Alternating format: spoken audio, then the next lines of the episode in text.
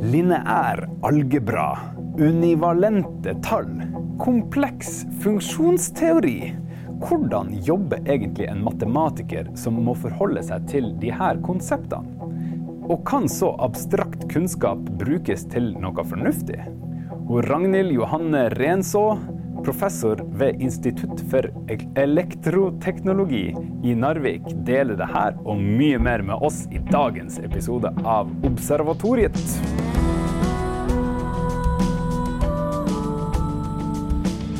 Observatoriet. En forskningspodkast fra UiT Norges arktiske universitet. Med Geir Hevnskjell Ringvold, mannen som lurer på det meste, og Marit Anne Hauan, som bokstavelig talt lever av fortellinger. Og en ny, spennende forsker hver uke.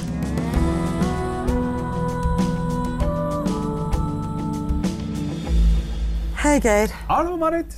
I dag har vi vært, så heldige å få besøk fra Campus Narvik. Ja. Hei, Ragnhild. Hei. Vi har altså besøk professor, matematiker, prodekan i utdanning, Ragnhild Johanne Renså. Hun er forsker både på matematikk og på matematikkfagdidaktikk. Og Campus Narvik det er jo vår ingeniørcampus, vår teknologicampus.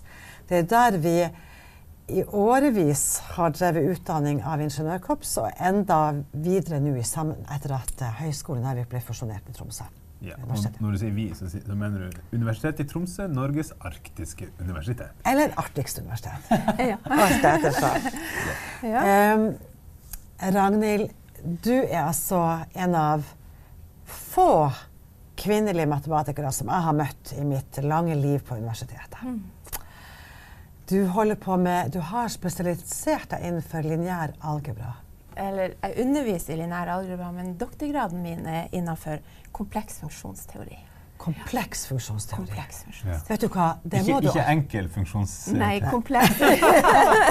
ja. Ja. Hvor kompleks kan det være? kompleks? Ja, for Ja. Hold, hold, altså, nå må jeg nesten bare eh, representere litt dem som eh, fortsatt lytter til, men lurer litt på hva det neste er vi skal si. Fordi eh, eh, jeg er ikke rågod i eh, matte og, eh, og eh, altså lineær algebra.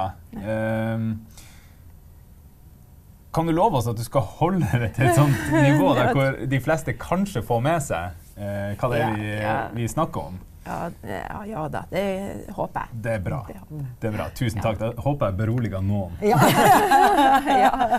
ja, altså kompleks funksjonsteori, det er altså de univalente funksjonene som er det, altså, det betyr bare at man jobber i det komplekse. Og i, I stedet for bare å ha reelle tall, altså langs tall, vanlige tallinjer. Det vi er vant med fra skolen. Ja, ja. Som er pluss og minus. Og, Ja, og reelle tall, ja. ja. Sånn det, og hvis man har en, en univalent funksjon i det reelle, så er det en funksjon som bare går oppover, altså stigende hele tida. Så det de univalente funksjonene jeg jobber med, men i komplekse tilfeller. Og så Um, den forskninga jeg har gjort på det, det går på altså De her univalente funksjonene de er normert, de er analytiske. De, altså de har noen sånne egen, krav på seg. Og da eh, kan man bruke dem f.eks. til å Det jeg har jobba med da, det er å se på spaltabildninga. Altså eh, en type delfunksjon der man jobber med spaltabildninger. Eh, rette spalter. hva, hva ser det ut som? Det ser ut som rette linjer. de rett, altså, Det er sånn plan, og så er det sånne rette linjer som gjerne går eh, har, ikke gjennom ordet 'gå', de stopper før de kommer til ordet 'gå', men de går som sånne eh, eh, Eller de behøver ikke å gå gjennom Orego, men de, de Ja. sånn rette linjer. Og de er de vi, altså, I doktorgraden min så jobber jeg med de, så, som, de punktene som lå på den linja som ikke var i villenmengden. Ja, så un, det kalles for unntatte verdier.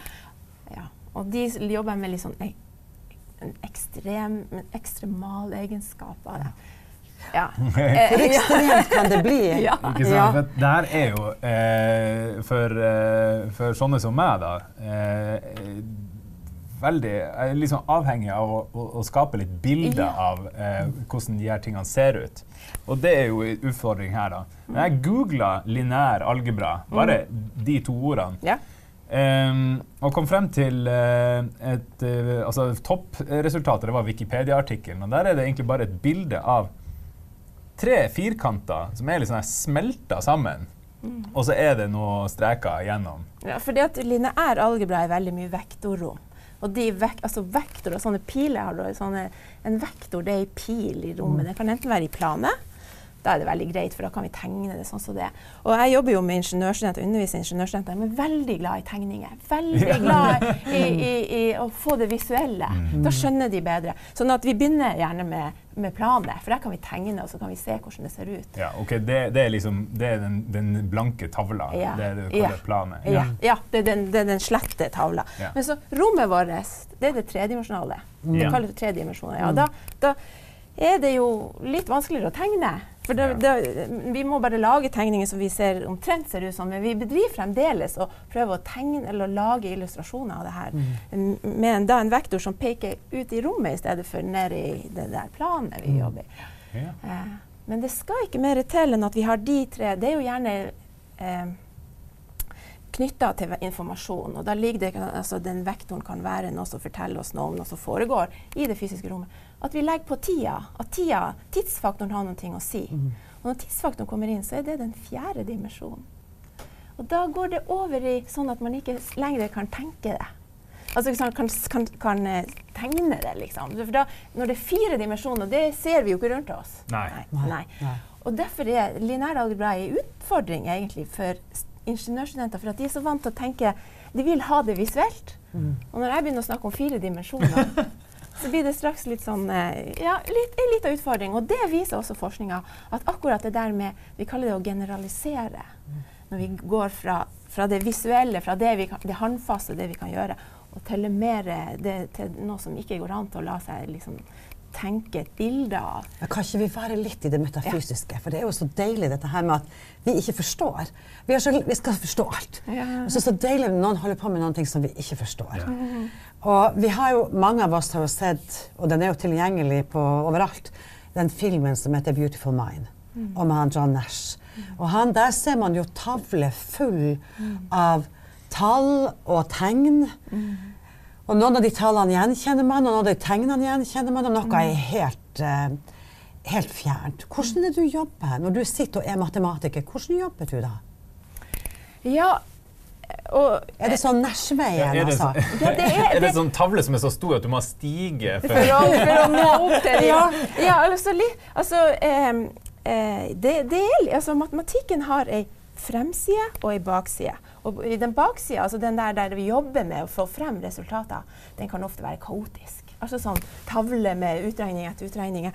Og at man begynner med Man har jo gjerne noe man har lyst til å vise. Der fremme er resultatet man helst har lyst til. Og man har en idé om at det, det er rett det der resultatet, men vi må bevise det. Mm. I matematikk er det veldig viktig at alt er logisk bevist. Så har vi forhåpentligvis en idé om at eh, en, en, eller annen idé om hvordan vi kan komme, vi kan gjøre beviset for å komme dit. Og så prøver vi ut den ideen. Og så jobber vi, og vi, vi regner og regner og gjør logiske, hele tida logiske argumenter. Og så plutselig så kan det være bom stopp. Kan man komme til noen ting der, man, der, det ikke er mulig å komme videre? At det rett og slett ikke lar seg gå videre den veien. OK, da var det ikke den ideen som var den lure. Og den der, det kan man ha jobba lenge med. Så må man rykke litt tilbake. Av og til må man rykke tilbake til start. Av og til så må man rykke litt tilbake. Da har man gått en blind vei, og så må man prøve, prøve på en annen idé. Og sånn jobber, er, det veldig mye man jobber i matematikken. At man går inn noen sånne blind, Jeg kaller det for blindveier. da. Men at eh, da ser man Man kan lære ting i den blindveien, men ikke det resultatet man ønsker å komme frem til. da. Eh, så må man liksom bare gå tilbake igjen, og så må man prøve. Og man gjør masse små regninger underveis. Og så kommer man forhåpentligvis frem til det resultatet til slutt. Og da, ja. Ja, da, da, da, har vi det, har vi det sånn her. det er da vi har alle de tavlene fulle av utskrevne og regna, og vi har gjort det her, vi kan ha gjort holdt på i månedsvis med det der. Så skal vi presentere det for verden. Og da er det vi begynner med det som jeg kaller for å polere resultatet. For det at det her, det blir jo det, Vi kan jo ikke gå og presentere det, det der for verden. For det, verden blir jo ikke å se hvor For det ene ja, ja, ja. Så da starter vi først med å plukke bort alle blindveiene. For de førte, det var jo ikke de som førte frem til det resultatet vi skulle. Så de tar vi jo først bort. Og så tar vi bort sånne små mellomregninger som vi egentlig regner med at en leser som er litt interessert, eller en, en som skal se på det her, er litt interessert, klarer å se. Og det har å gjøre med at ellers så blir det så veldig mange ting at du ser ikke skogen for bare trær. Mm. Så da tar vi bort sånne der, små overganger som vi regner med at leseren skal. Og da får vi det som en matematiker kaller for et vakkert bevis. Når det liksom er enkelt med de hovedlinjene i utledninga, og, og, så presenterer vi et vakkert bevis. Altså så, Samme begrepet som man bruker om kunst, eller om spapiker, ja. ja. eller som, ja, ja, Så kan en matematiker kan la seg fascinere av et vakkert bevis. er liksom hovedtrekkene med. Så ser man ja, for da ser man de store linjene. Men har du noen gang laga sånne mattestykker som er liksom første i sitt slag i hele verden? Um, altså, jeg laga en liten di differensialligning i doktorene mine. Ja, da kom jeg, kom jeg, jobba jeg med differensialligning som jeg fikk noen delresultater av, men som jeg ikke klarte å løse hele av, for det var ganske mange parametere i.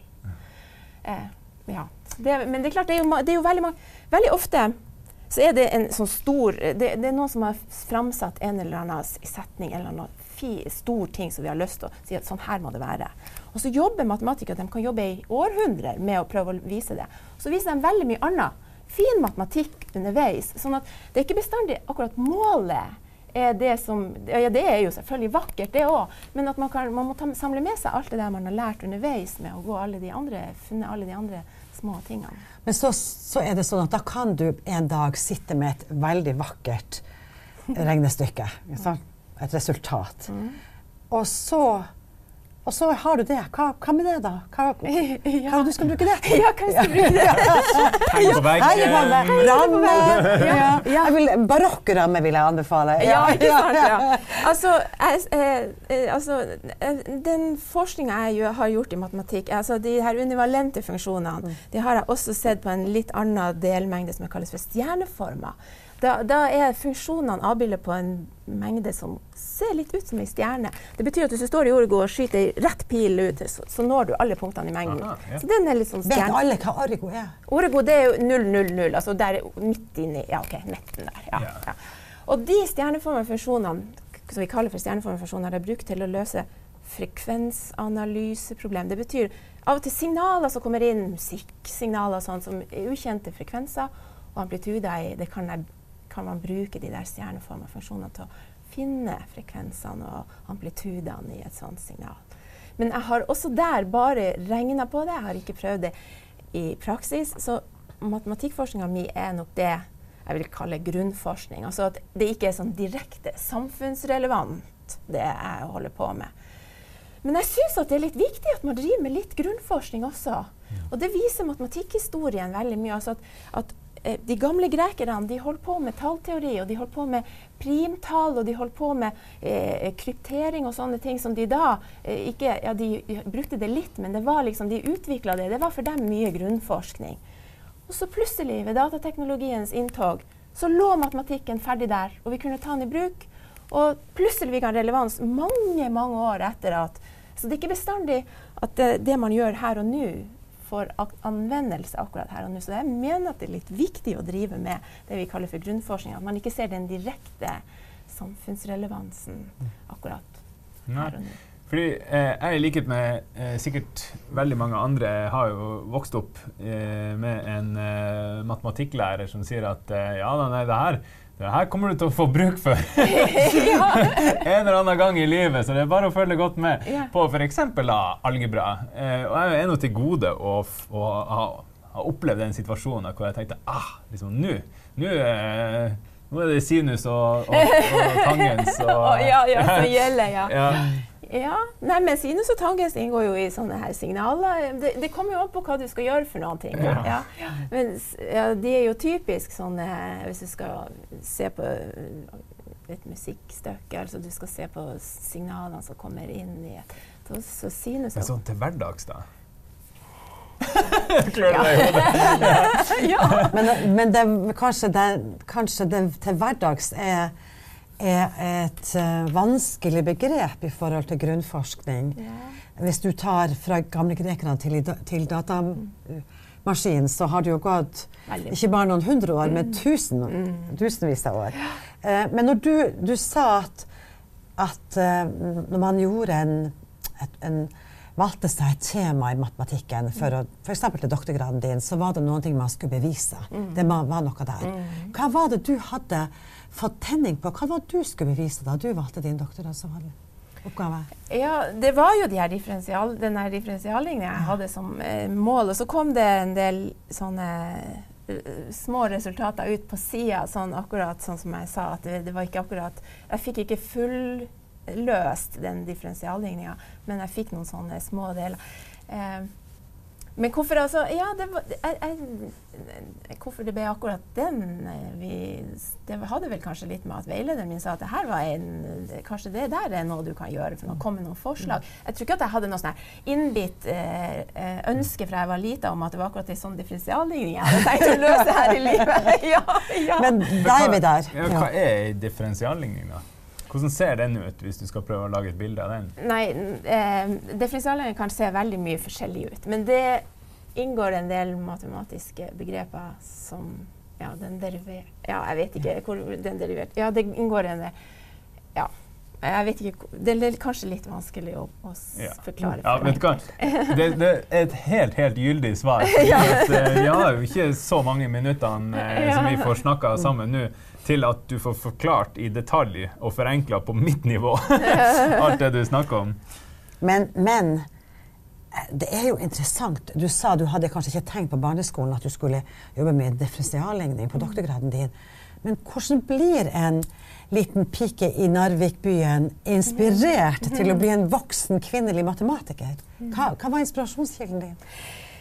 Eh, ja, altså jeg var jo Altså, jeg, jeg, jeg er jo interessert i realfag. Jeg tenker at det er er, er sånn, det bør man kanskje, Hvis man er veldig interessert i språk, så er det kanskje ikke akkurat matematiker man skal bli. Altså at man rett og, I utgangspunktet er litt interessert i realfagene.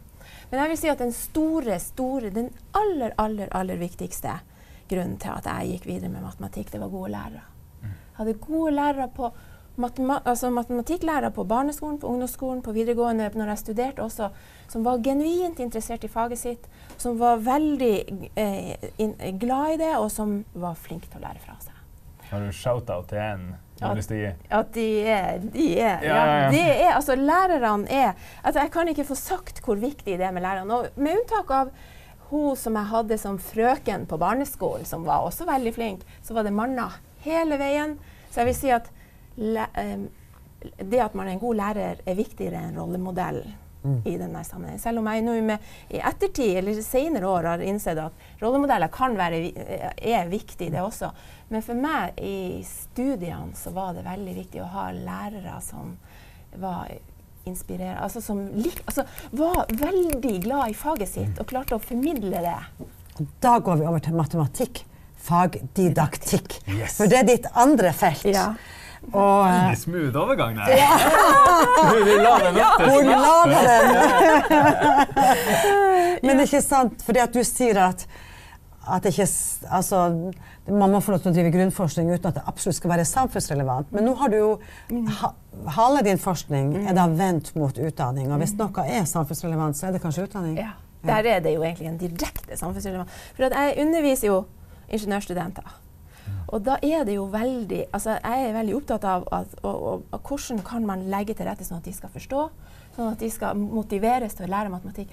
Og det er jo fundamentalt viktig at de skjønner de formlene de bruker. altså Ellers kan jo ingeniører altså Bruer kan dette ned, og roboter kan ikke gjøre det de skal gjøre, og dataprogram kan svikte. Altså, matematikken er en så stor grunnpilar i ingeniørutdanninga at det er litt viktig å ha fokus på at de ikke bare bruker uhemma de formlene de har, men at de vet litt om grunnen til at vi har dem, og som, hvordan de virker. Altså at de prøver å lære seg litt mer matematikk. Ja, så da mener du at, at, de, at de har lært for lite til nå? Nei, nei, jeg bare mener at, at det er viktig å prøve å lære dem mer enn å bare bare altså være redskapsorientert. Altså bare bruke, bruke Her er en formel, bruk den. Her er en formel, bruk den. At man prøver å lære dem litt om bakgrunnen for hvorfor ser den formelen sånn ut. Sånn at de er i stand til å når de går ut i det praktiske, er i stand til å vurdere er det her den rette formelen for å bruke i dette eh, tilfellet.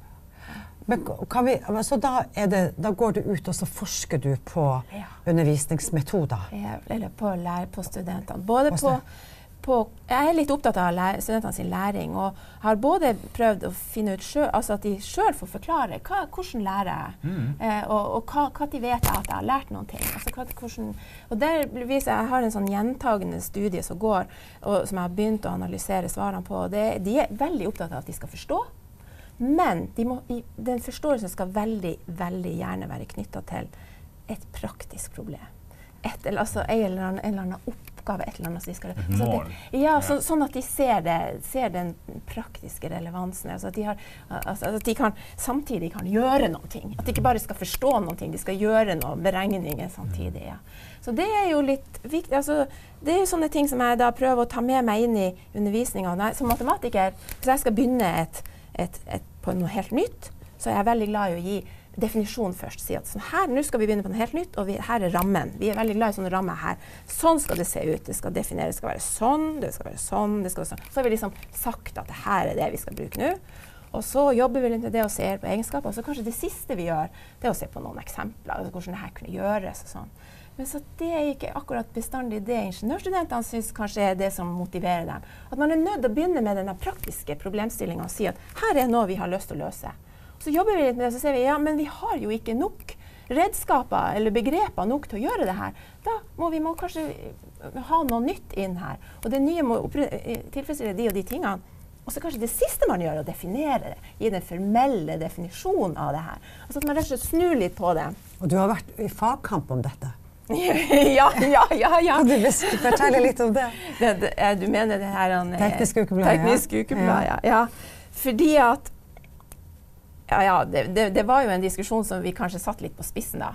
Men eh, det, det, begynte med at Teknisk Ukeblad et, eh, hadde en stor reportasje om at eh, ingeniørstudenter, sivilingeniørstudenter kunne ikke få lov å ta PPU, for de var ikke kvalifisert i matematikk. Og de skrev en masse Praktisk pedagogisk utdanning for å bli eh, lærere. Ja. Så hvis en sivilingeniør hadde lyst til å bli lærer, så må han ta praktisk-pedagogisk utdannelse. Og det fikk han ikke. Han var ikke kvalifisert, han hadde ikke nok matematikk. Så var det skrevet en masse da, om at det var ikke bra, og det her burde man gjøre noe med. Og så skrev vi, at, uh, skrev vi et innlegg der vi skrev at grunnen til at han ikke er kvalifisert sånn som han er. Det er fordi at en ingeniør han er veldig opptatt av at han går inn og sier OK, jeg skal løse dette problemet. Jeg må ha den tingen trenger, og den tingen trenger, og den tingen trenger. Og det er klart, at Tar han de, så tar han med seg ut, og så jobber han med det praktiske problemet, og så løser han det. Mens at en lærer som skal ut i skolen og skal eh, prøve å få eh, elever til å skjønne det her, han er, eller hun da, er, må være mye mer opptatt av Der har vi et begrep hvilken sammenheng har det begrepet med det andre begrepet der? Altså sånn at man lager en, en, en forståelse, og, og, at man knytter den nye forståelsen til den gamle forståelsen, veldig, eller til det man allerede kan. Mm. Det er veldig viktig at man liksom har en sånn Og at man ser på relasjoner mellom begrepene i stedet for så mye å hente ut det man har bruk for, og løse det man har. Sånn at det er en helt annen måte å tenke på matematikken på. Og det prøvde vi å skrive. Det der er sånne ting. Altså, eh, civil, vi skrev overskriften at 'Sivilingeniører kan matematikk' på en litt annen måte. Og det skapte stor oppstandelse. Stor oppstandelse. Teknisk Ukeblad leses vel, av veldig mange, veldig mange sivilingeniører. Og de mener seg veldig kvalifisert i matematikk. Så det var veldig mange, masse debattinnlegg på det der. Og så vi så oss nødt til å skrive et innlegg til der vi det heter matematikk, eh, sivilingeniør og matematikk en het potet. For det ble altså så mye det, altså, Han ringte han redaktøren og sa at vi er nedlessa av svar fra folk som vil komme med at de var Ja, det var, det var mye forskjellig som kom inn. Men det var jo spennende. Ja. Kjempeartig med en sånn debatt. Man, det fikk jo sivilingeniørene til å virkelig, virkelig, reflektere over hvordan matematikk de kan, og om de eventuelt trenger noen annen type matematikk. Ja. For det dere sier, er at de er formelbrukere. De vet at de har bruk for den formelen og den formelen og den formelen. Ja. Men du vil at de skal forstå formelen. Eh, det, det, var, det, var, veldig eh, Jeg vil ikke si at de er kun formelbrukere. Altså, ingeniører kan, vet gjerne litt om bakgrunnen for formelen, men de er ikke så opptatt av hvordan den der tingen er i forhold til den andre tingen nei, vi har lært. Altså sammenhengen ja. mellom de her tingene. For de, ser, de, de kan gjerne en formel, og de vet forhåpentligvis veldig ofte. Vi prøver jo å lære dem det, hva som er bakgrunnen for formelen, sånn at de er i stand til å gjøre en vurdering av om dette er den formelen de har bruk for i det problemet de skal løse. Men, eh, men, ikke så opptatt av å prøve å sette alt inn i en sammenheng for at det skal være mer læringseffekt for elevene. Sånn, det, er liksom litt, det, er egentlig, det, det, er ingen av dem som er feil, det er bare forskjellige måter å angripe matematikken på. Det er ingen av dem som, Alle er like gode, altså. Og en ingeniør som lærer ute i skolen vil jo være perfekt. Tenk på hva han kan ta med, eller hun, hun kan ta med av praktiske problemer fra mm. fra, eh, yrkes, eller, ja, fra yrkeslivet. Sånn, her, nå skal vi gjøre det her, og i, det her bruker vi i praktisk eh, Har du noen gode eksempler på det?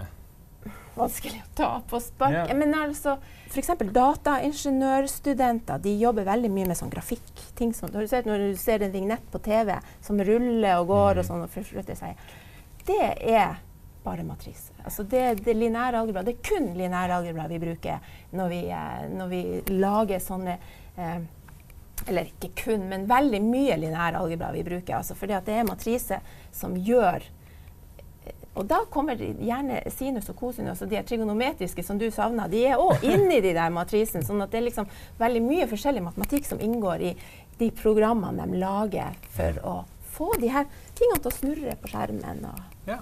ja. Jo, men det, det syns jeg er et fint eksempel. Det er i hvert fall lett gjenkjennelig. For ja. det var det du savna litt. Det var det her hvor eh, Altså, hvordan får vi bruke de knaggene ja. eh, som vi allerede har? Ja. Og det er jo ingenting som er deiligere enn det å eh, liksom bare åh, liksom bare få brukt dem til noe. Ja, Men eh, du har også eh, Du er kvinne. Du er eh, en minoritet blant matematikere, for det er mest menn. Ja, det. Mm. Og du har også jobba med kjønn, altså med kvinneperspektivet mm. i, um, og kjønnsperspektivet i forhold til matematikk. Mm. Hvorfor det? Ja, det var egentlig altså, som, som, sagt, jeg jobba Jeg, jeg stu, gikk jo gjennom universitet, eller gjennom studerte og var veldig mye alene jente. Reflekterte ikke over det. Altså, for, for, meg var det viktigere med de lærerne, og jeg hadde jo venninner utenom. Sånn. Så jeg var jo veldig ofte alene. Og tenkte egentlig ikke så mye på det kjønnsperspektivet. Men så var det omtrent Det var vel siste året jeg holdt på med, med doktorgraden min, så hadde jeg vært hjemme på ferie i Narvik, og så skulle jeg tilbake. Jeg studerte i Trondheim. Og så var det, det, var jo etter ferien, så det var fullt i bussen. Vi skulle måtte ta buss til Fauske. Og der måtte jeg sitte ved siden av en, en sånn middelaldrende mann. Og han satt der, og vi, jeg, satt, jeg klarer ikke å lese i buss, da blir jeg dårlig, sånn at jeg strikka. Og så etter en time så begynte han å bli kjedelig. Jeg syntes det var kjedelig, så han tenkte at nå skal han ta kontakt med meg. Spurte ja, hvordan går det med deg, hva, hva du gjør da, jenta mi? Så jeg ja, jeg holder på med doktorgrad i matematikk.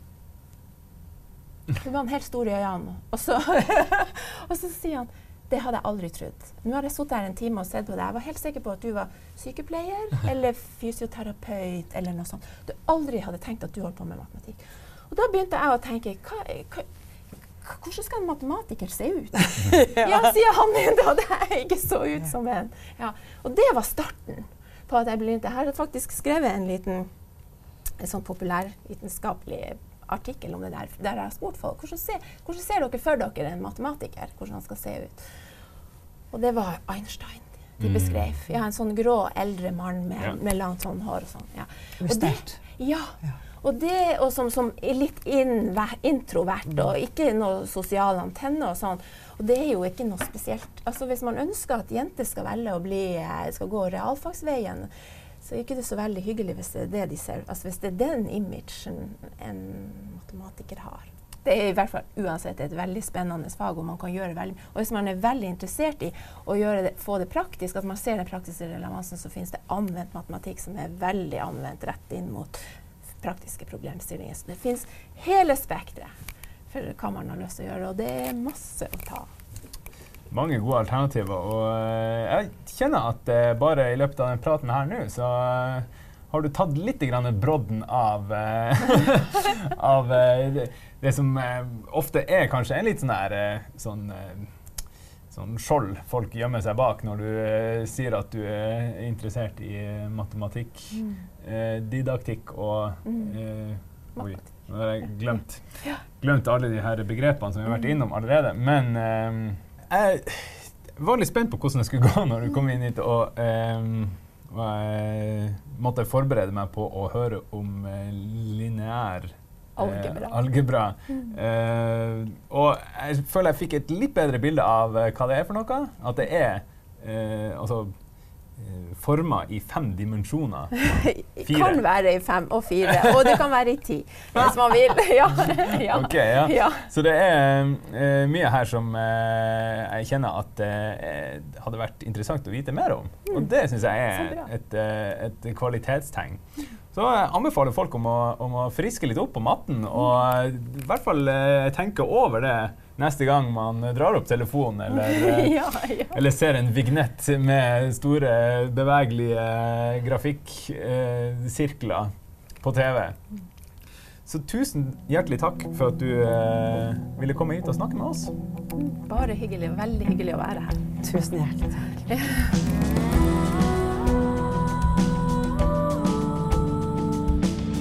Tusen takk for at du var med oss i dag. Om du vil lese mer om forskninga, finner du det på jubileumsnettsiden våre uit.no 50.